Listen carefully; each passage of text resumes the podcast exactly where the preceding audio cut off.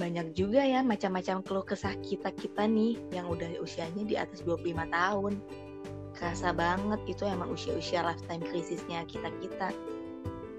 Hmm, kira-kira apa aja ya cerita-cerita orang dan pengalaman-pengalaman mereka di usia 25 tahun?